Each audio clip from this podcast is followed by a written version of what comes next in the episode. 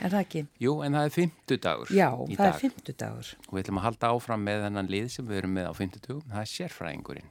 Já. Og hingaði komin Kristján Sverrisson, forstjóri Hirtnar og talmeinastöðar Íslands, velkomin. Takk að gæla fyrir bóðið. Já, velkomin til okkar. Og þú er nú komið til okkar áður.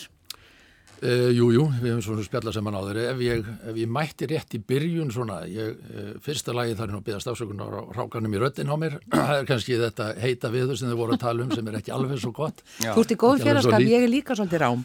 En svo fekk ég bara hland fyrir hjartað í gær því ég heyrði auðlýsingarnar ykkar og eflaust fleiri innan stofnuna minnar og utan því að þar var ég titlaður eiginlega sérfræðingur sem slíkur og nú ætla ég ekki að, að gera mér það til að, að ég sé með sérfræði eh, gráður í heyrnarfræði eða læknisfræði sem lítur að heyrn.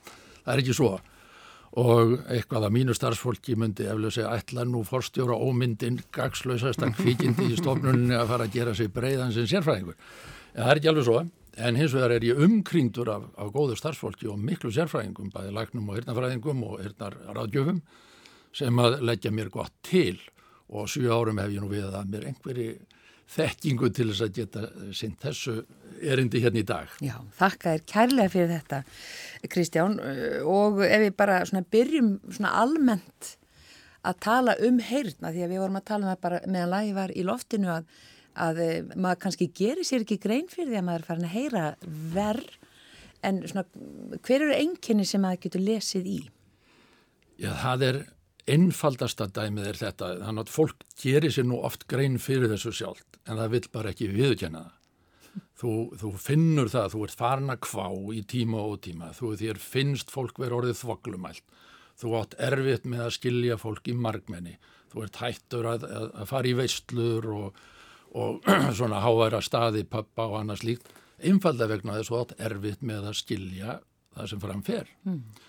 Og, og þetta síðan er annar mælikvarðið náttúrulega þínu nánustu. Þegar börnin þín eru farin að segja, pappi, hvað skilur ekki það sem er að segja? Pappi, akkur er svona hátt stilt sjónvarpið, þeir eru ekki í þessu. Uh, frúin er farin að kvarta þegar hann getur ekki tala við á milli herbyggja eða, eða þegar hún stendur fyrir aftan þig og svo framvegis. Þetta er allt saman merki um að þeirnin er farin að gefa sig. Mm. Og maður verður bara að, að hlusta á þessi skilabóð.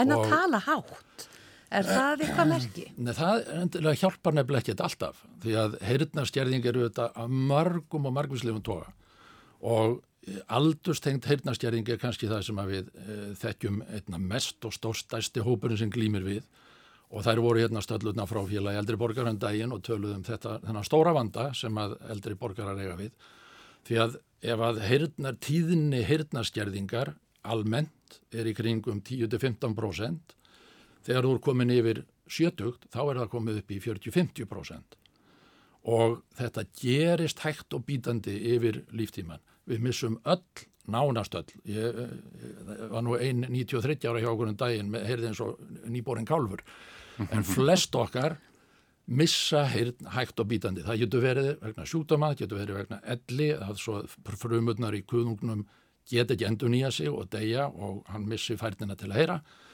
Það getur verið af svo mörgum toga. Fólk vinnur í háfaða og eigðilegst þar að leiðandi hátíðnin hjá fólki. Og það er algengasta sem við sjáum hjá, hjá meira hjá körlum, líka hjá konum. Með aldrinum missir fólk hátíðnina og þá hverfa út viss talhljóð. Og það gerir það að verkum að allt verður fyrir að renna saman, það verður að vera erfitt að greina sundur orð. Þú átt erfitt í háfaða, uh, fólk er orðið loðmælt, finnst þér, það muldrar, en það er bara ekki svo. Það er heyrnin í þér sem er farin að bila.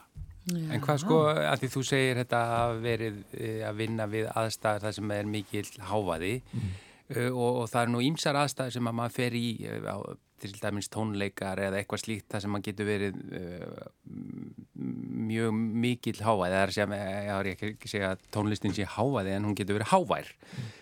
Uh, og oft þegar maður kemur úr slíkum aðstæðum þá er maður með, þá er, er svona eins og að sé eftirköst í eironum, að maður er með smá suð í eironum í daldinn tíma. Syngur og sónar í eirunum og jafnvel hella eða hellu tilfinning. Já, er það dæmi um þá að heyrnin sé á einhvern hátt að laskast við uh, já, aðstæðuna? því að uh, þessir háværu tónleikar eins og nefnir þar mælast oft, uh, það er nú betra í dag að fólk, tónlistamennur fannir að vera meðvitaður um þetta á tónleika staðir en hér áður fórmaður á tónleika og, og þú komst út reynlega uh, úr hættulegu umhverfi.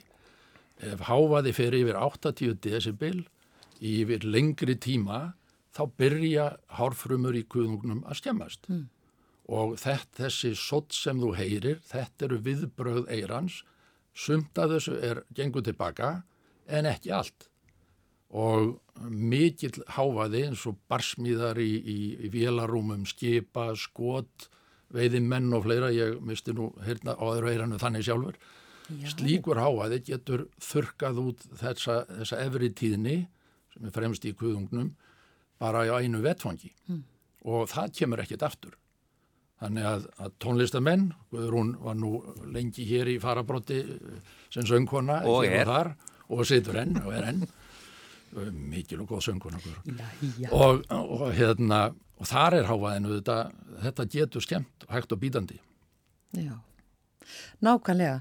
Eh, Takk fyrir hóli samt, ég ætla ekki að vera dónaleg þarna, já. En uh, bara annaða því að unga fólkið, og það hefur líka fæst í vöxt, við sitjum hér með heyrna tólvikunar, en uh, já, þú hittir varðla unga mannesku í dag öðruvísi en hún sé með í, í eironum. Og, og á öllum aldri. Já, já, reyndar öllum aldri, en, en sko þetta hefur fæst svo mikið í vöxt og er árið svo almennt. Uh, mjög mikið áreitt og stöðut áreitt í eirun. Og er þetta uh, Og þetta er áhyggjuefni og við höfum nú ég kom nú síðast hérna held ég á degi heyrðnar sem við höldum fögnum 3. mars hverju ári og alþjóða heilbæriðstofnunin sem við vinnum með í, í tengslu með það hefur lagt einmitt áherslu á þetta heyrðnar vernd og að fylgjast með heyrðn alla æfi og sérstaklega uh, átak er í kringum einmitt uh, hvernig gerum við hlustun öruga og þá að vera að horfa á yngri hópin og þeir hafa unni með framleiðendum pljónflutnistækja, símaframleiðendum og fleira Þannig ef þú hækkar í símanu þínum og ert með hernatól, þá kemur píp og það kemur viðvörun á tekstanum uh, hérna þegar þú reynir að hækka og já. segir, já, nú ert að fara yfir á hættulegt svæði. Þetta fenguð, fenguð, var fengið í gegn með þessari baráttu. Já. Það skilda framleiðundu til þessi raunin að vara fólk við, nú ert að fara á hættulegt svæði. Fólk keirir þetta í botn, fer yfir í raut, enga síður og, og er með of mikinn háfaða of lengi á dag. Og, og þetta er mikið áhyggjuefni hjá okkur út af ungu fólki og unglingum sérstaklega. Já, þannig að þetta getur eh, já, bara haft varanlegar mm. afleðingar of fljótt á æfinni. Já, já, við, við býðum eftir það vantar svona góðar faraldsfræðilega rannsóknir á þessu, þessari kynnslóð sem er að vaksa upp í þessu mikla háaða. En við sjáum það vissulega á fólki á miðjumaldri sem að pop kynnslóðin og svona sem var í þessu mikla háaða. Við erum að sjá skada þar sem er ekki dósvipað því sem við sjáum hjá gamlu hérna, jarðítustjórunum og, og vélstjórunum á fyrstiskipunum og, og, og þess áttar sko. Finnst ykkur þið hjá, hjá heyrnar og talmennastöðinni sjá þessa þróun eða sem sagt það er alltaf yngra og yngra fólk sem er að koma til ykkar eða, eða hvað? Já, það, eða fleiri? Það er, það er kannski ekki af því að þau séu meira sköttu núna, við getum ekki sagt það. Það er vonandi hitt að það er meiri meðvitund fólks um eigin heilsu fólk fylgis betur með eh, eigin ástandi og er, fer óhyggað fram og leita sér hjálpar og það er gott mm. því að fólk hefur hingað til komið allt of sent til okkar Já. fólk býður í gegnum sína þetta gerir svo hægt að þú bara þröskuldurinn lækkar hægt og bítandi þá undir orðið óþólandi þá kemuru þá ertu kannski búin að vera í 10-15 ár sem þau hefur vantað fjölda hljóða og það verður erfitt fyrir heilan að vennjast því að fá þessi hljóð síðan inn aftur þegar þú byrjar að nota heyrnatæki. En nú er fólk svo aktíft framhættur öllu og það vill heyra, það þarf að fá síman og allt sem er að gerast í eirun og nýttísku heyrnatæki gera þetta. Þannig að fólk kemur fyrr og leita sér hjálpar fyrr, svo það er það góða við sveifluna nýður í aldri. Já, og eins og við vorum að tala um hérna við þær eh, Guðrúnu og Hanna Þórunni sem við nefndum frá landsambandi eldri borgara, þá svona vilja þær eigða þessum fordómum e, gagvart heyrnatækjum sem margir kannski, já, veira sér við að nota og finnst eitthvað, já, ég veit ekki eitthvað hallarislegt eða eitthvað og, og hérna Uh, og þær töluðu þarna um að það, það væru já, sennilega um fjögur þúsund manns þarna úti sem þyrstu heyrnatæki en væru ekki er, með. Ég held að það séu uh, ekki fjarilagi og við sjáum þetta og, og uh, þetta er alveg rétt hjá þér, það er svona stigma, það er þetta pempíuskapur stundum hjá fólki á, á, á öllum aldri. En það er aldrei viðvarand að þeim finnst að fá sér heyrnatæki sé merkjum öldrun og, og merkjum föllun sem það vilji ekki bera. En sem betur fyrir sjáum við að þetta er á, á undanhaldi enga síður. Uh, og sérstaklega yngra, yngri hópurinn þetta svona 50 og framönd til 70 er hikar ekkit við þetta því að, að það vill fá eitthvað sem bjargar því og það er allir með eitthvað í eirunum hvort sem er. Mm. Og það er vantarlega mikil framþróun í, í þessum tækjum. Hefur orðið geysileg framþróun bara núna síðustu árin, síðustu tíu árin eða svo og sérstaklega núna bara á, á þrem fjórum árum er þessi tengi möguleikar heyrnatækjana að þú fær símtölinn í, í heyrnatækjun og getur bara snert heyrnatæki til að svara. Þarf því að taka upp síman úr, úr vasanum, þú getur fengið sjónvarsljóðið beint í heyrnatækin uh, þarf ekki að skrúfa það allt í botn og getur slögt á hljóðun í, í, í sjónvarpunum fyrir aðra heimilismenn en fengið það samt í eirun og svo framvegis. Svo að þetta er orðin snjáltæki sem að í rauninni bæta þér bara upp þá tíðni sem þið vantar, mm. ekki eins og í gamla daga þegar þetta voru bara hljóðmagnarar sem heldur bara meiri háfaða eirun á þér. Þannig að þetta eru snjáltæki í dag sem að allir ætti að reyna að nýta sér sem áþurfa að halda. Ekki spurning. Eh, við ætlum að fá eh, eitt lag hérna og Svo vindum við okkur í spurningarnar. Og uh, við, nú, við höfum svo góðan húmor hérna við Gunni það er I heard it through the grapevine. Já, þetta er Marvin Gaye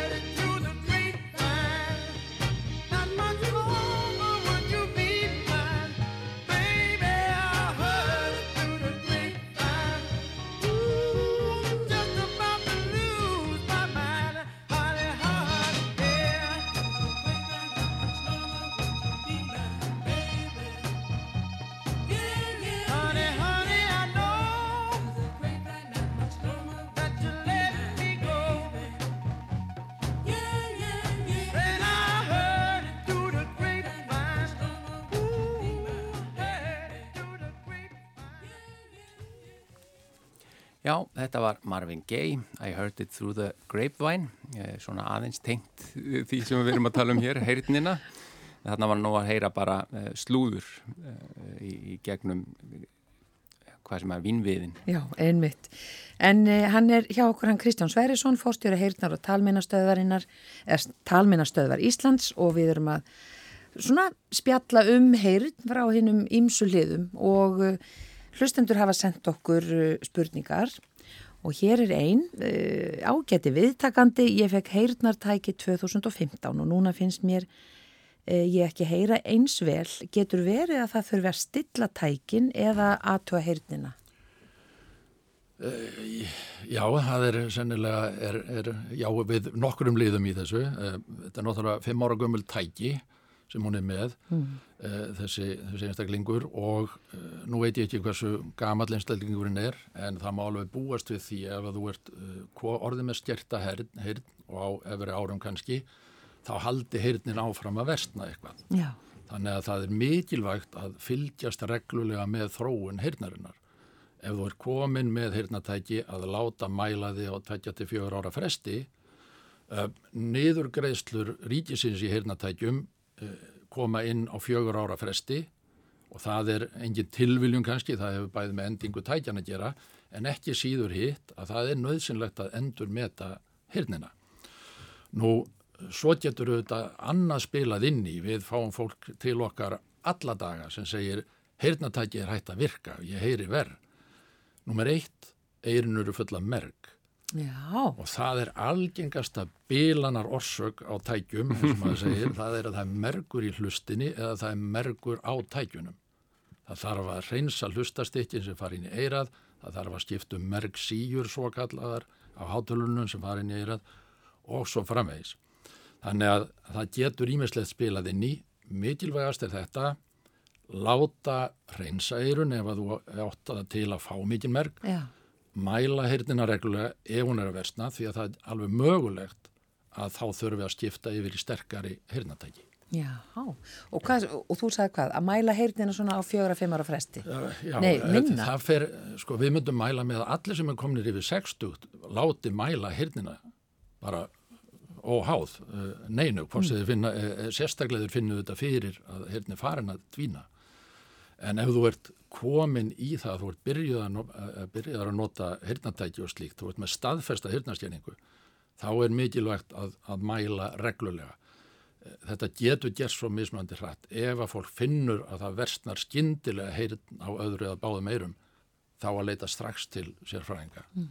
Hér er skild spurning, þú er kannski komið aðeins að þessu en bara svörum þá þessu. Fyrir mörgum árum fekk ég heyrnantæki sem lendu ofan í skuffu vegna þess að ég fæ svo oft hellu fyrir eirun og væntalega þá með tækjónum og þegar ég var með tækin í eirunum þá varð ég heyrnalaus eins og hún orðaða.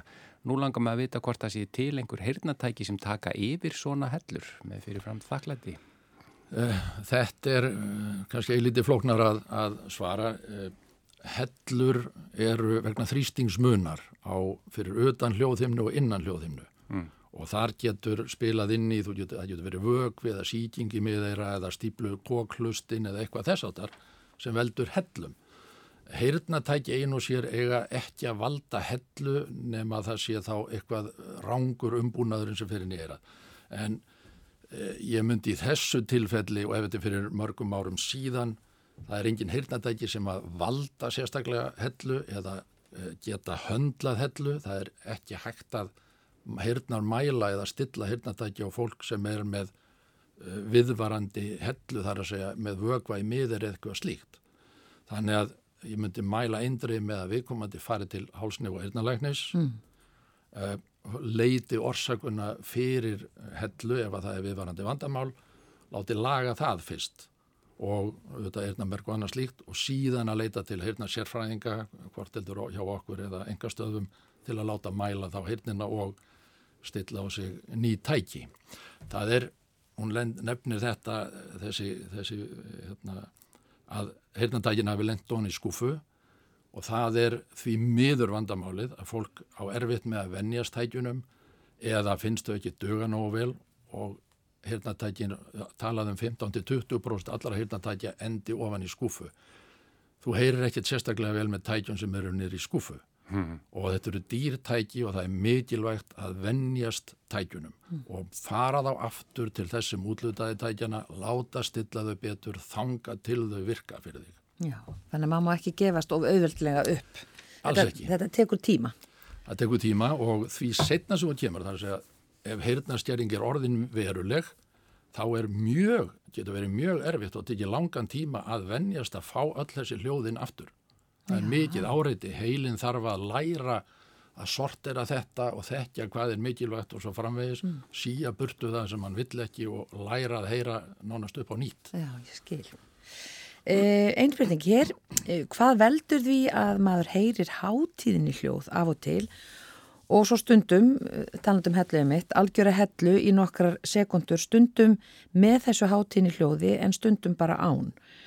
Einhver staðar heyrði að ef maður fengir svona hátíðinni hljóði eirað væri maður að missa heyrn á því tíðnisviði. Já, þegar að ég sá þessu spurningu þá, þá ringdi ég nú í vinn og leitaði til, til yfirlagnisins okkar sem að sagði að það er mjög erfitt að svara þessari spurningu sjálfur sér. Það geta verið svona lífæðlisfræðilegar orsaki fyrir því að þú fáir hellu eins og ég nefndi áðan, mm. þessi þrýstingsmunur og slíkt. Allir upplifa á einhverjum tímabili að þeir fá svona són, háttíni són eða suð í eira sem að yfirleitt hverfur. Uh, aðrir fá þetta viðvarandi og stundum mjög slæmt og þá er talað um tinnitus eða yrnasvið og orsakir, það er einn af þeim sjúdómum sem er mjög erfitt að, að lækna eða gera neitt við í mörgum tilfellum því að það er ekki vísta að sé í hlustinni eða eiranu eða hirnatöginni, það getur verið inn í hirnarsvæði heilansjafel. Þannig að þetta er eiginlega vonlust að svara þessari spurningu ef að þetta verður viðvarandi vandamál, kemur oft eða er verkur með þessu eða slíkt, þá þarf aftur að, að, að fara til hálsni og eirnalæknis og láta rannsaka eirun fyrst mm. og fremst til að útiloka það sín eitt þar sem að veldur þessu. Einmitt. Talandum tinnitus eða þetta eirnasuð sem er viðvarandi og ég dálitið, ég, ég get ímynda mér að það sé erfitt að, að hafa þetta því að það er lítið hægt að gera við því en ég er eitthvað hægt að gera. Þetta já, litla, já, hvað er, er það? Það eru til um, bæði svona atfellislegar uh, æfingar, þar sé að slakastundum er þetta mögul út af vöðvaspennu í hálsi og, og aukslum og, og slíkt sem að leiði til þessa. Stundum er þetta svo kvöldu draugahljóð, þar sé heilin ímynda sér að hann heyri eitthvað á þessu sviði. Það er stundum vegna þess að heyrnin er farin á þessu tíðnisviði og, og hann er að rempast við að skrúfa upp í viðtækinu til að heyri eitthvað, eitthvað svo leiðis. Uh, síðan er hægt að stilla heyrnatæki stundum, stundum lagast þetta nokkurn veginn þegar þú færð aftur með heyrnatækinu þá tíðnisinni vandar og þau hljóð sem að liggja á því tíðnisviði sem er kannski nálagt tíðnisviði heyrnasviðsins þá drekja þau þessu suði dálítið út Já. þannig að það hjálpar og svo ekki fyrir þú slekkur á, tekur að tækin á kvöldin þá kannski heyrur þetta aftur blossa upp mm. þú er komin í kyrðina Þannig að þetta er, þetta er jafn flókið og margvíslegt eins og fólkið er Margt. og eirun sem að fá þennan tinnitus. Já. En það eru því miður þá eru margir sem gera út á, út á þennan sjúkdóm með gilli bóðum um að það séu töflu sem lagi þetta og alls konar töfrabröð en það er ekki svo einfalt. Herri það var að loka spurningin, mér langar að spyrja um dvínandi heyrð með aldrinum, þar að segja ég er ekki vissum að þessi dvínandi heyrð, kannski er ég bara orðin viðkvæmari fyrir utan að komandi háfaða eða orðin meðvitaður um hann. Þegar ég er stattur í aðstæðum þar sem að margir eru þá heyri ég ekki nógu vel í þeim sem standa með næst og ég á í samræðum við. Ég þarf mjög ofta að byggja fólkum að endurtaka það sem þau segja við mig og oft heyri ég ekki vel allt sem sagt er og, og er orðin nokkuð leikin í því að fylla inn í eigðunar. Ég veldi fyrir mig hvort að heyrnin sé að versna með aldrinum, ég er 50-ur, á ég að fara í heyrnamælingu. Þegar rólegt er í kringum mig, þá finnst mér heyrnin vera mjög góð. Þetta á aðalega við um aðstæður þar sem margir eru, á veitingastöðum, kaffihúsum í mannfjölda og ég er kannski feimin við að þurfa á aðstóð tækja eins og heyrnatækja að halda en það er ég rættur um að slík tæki magni upp háfaðan í mannfjölda en það er kannski ekki rétt. Nei, þetta snertir á mörg af því sem við rættum hérna áðan. Já. Það er að segja að uh, það er auðvitað erfitt að hlusta þegar þú ert í miklum háað og margir tala í einu og þetta er það sem allir kvarta um velheyrandi og, og uh, þetta versnar síðan ef að heyrnin er farin að síga eins og við nefndum þá verður erfiðar að greina viss talhljóð sem að skipta orðum og, og gera talið greinilegra. Þannig að uh, og það sem því miður sem að veldur þeir sem að við nefndum hérna áðan að þá þegar þetta verður mjög erfitt þá dregur því í hlje við rætum það hérna sjálf hvað maður er farin að forðast vissar aðstæður. eh, háværa bari og, og svo framvegis því að maður skilur stundum ekki orða því sem að fólkið við borðið er að segja og maður kinka kolli og brosir og, og fyllir í eðurnar eins og við komandi segir þannig og það, þetta er merkjum að það er eitthvað að gerast. Mhm. og þá skiptir öllu máli já, hvort hann er 50 eða 40 eða 30 mæla heyrnin á, á útiloka minnstakosti það að það sé ekki heyrnastjerðing sem að veldur þessu og hvað var þar uh, heyrnatæki nútímans eins og maður segir hvort að þau geti bara, muni bara magna upp allan háfaðan þá eru sem betur fyrir eru þau orðin snjallar í nákvæmlega að gera hitt að útiloka og dempa niður allan